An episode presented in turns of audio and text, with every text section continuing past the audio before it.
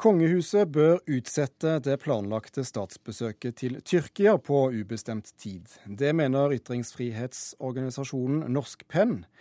Menneskerettighetssituasjonen i landet er under enhver kritikk, mener Penn. Et besøk av kongehuset med næringslivet på slep kan lett misbrukes av myndighetene, heter det i et brev som er sendt til kongehuset og til eh, norske myndigheter.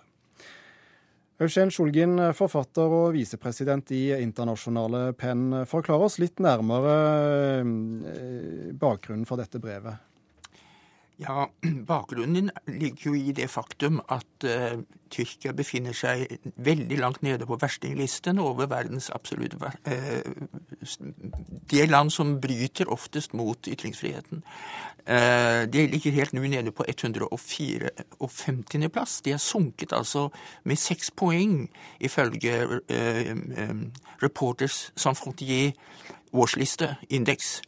Eh, det sier ganske meget. Et land som så flagrant bryter mot eh, det vi mener med lov og rett i et vanlig demokrati, er selvfølgelig et nokså spesielt land å reise til. Og et kongebesøk er et veldig sterkt eh, symbol som meget lett kan bli brukt i PR-sammenheng for, for, landets myndigheter. og ja, du har bodd eh, mange år i Istanbul og er der fortsatt eh, mye og følger utviklingen. Eh, hvorfor har det gått den veien det har gått? Ja, det er ikke helt lett å svare på. En av grunnene er selvfølgelig at ambisjonene til deler av den sittende regjeringen ikke stemmer overens med rettsapparatet, hvordan rettsapparatet håndhever lover i landet. Eh, rettspraksis er under enhver kritikk. Det tror jeg de fleste som har den minste innsikt i Tyrkia, kan være enig med meg i.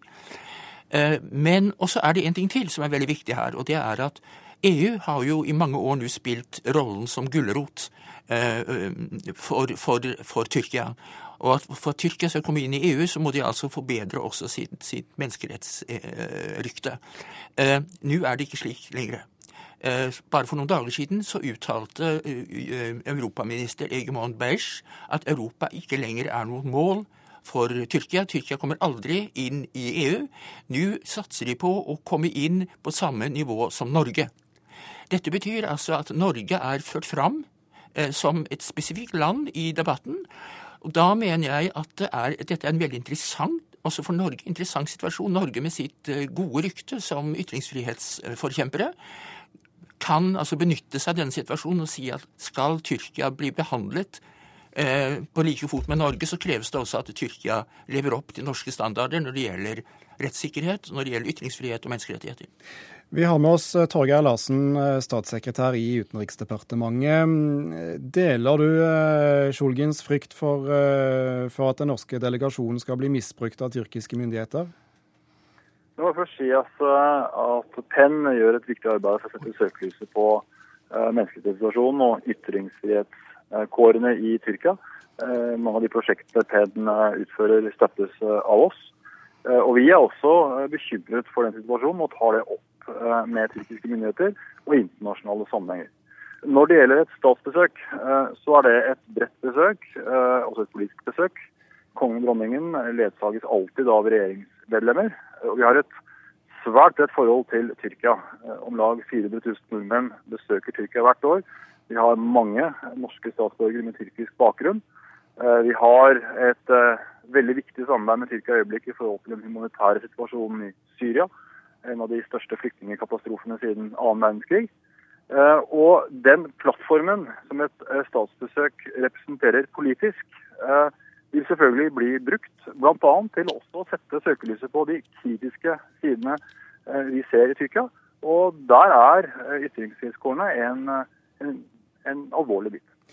Ja, Skjolgen, kan, kan, ikke et slikt besøk også bli en arena nettopp der man kan diskutere eh, utfordringene Tyrkia har rundt ytringsfrihet og menneskerettigheter?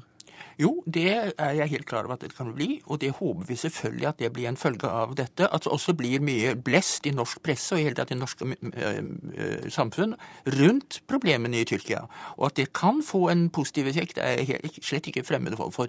Det er bare dette med symbolverdiet og kongehuset som, jeg, som vi i Penn mener er, er lite heldig. Ser du at det kan være lite heldig, Larsen?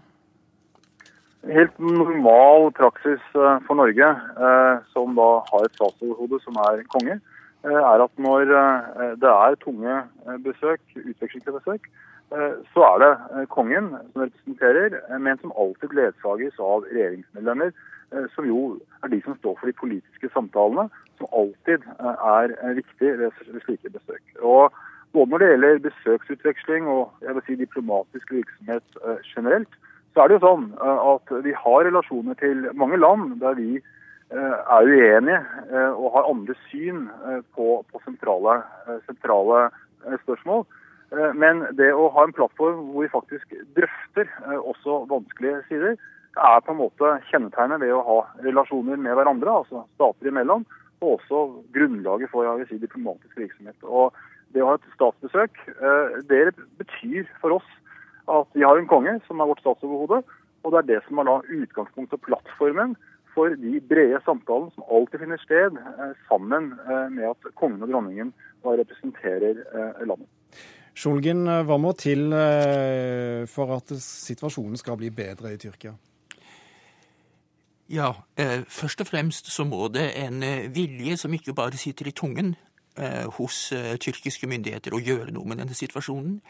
Jeg har altså fulgt tyrkisk politikk i 20 år. Jeg har hørt hvordan de har uttalt forhåpninger om at saker og ting skal bli bedre i den nære framtid i over 20 år nå. Lenge før jeg begynte, i og for seg. Eh, men i praksis så ser vi veldig liten forskjell. Det har skjedd mye positivt i Tyrkia de siste årene, de siste ti årene særlig. Det skal vi ikke stikke under stol med. Men vi er veldig, veldig langt fra å være tilfreds med utviklingen. Eugen Sjolgin, eh, visepresident i Internasjonale Penn, og Torgeir Larsen, statssekretær i Utenriksdepartementet, takk for at dere var med oss i Kulturnytt.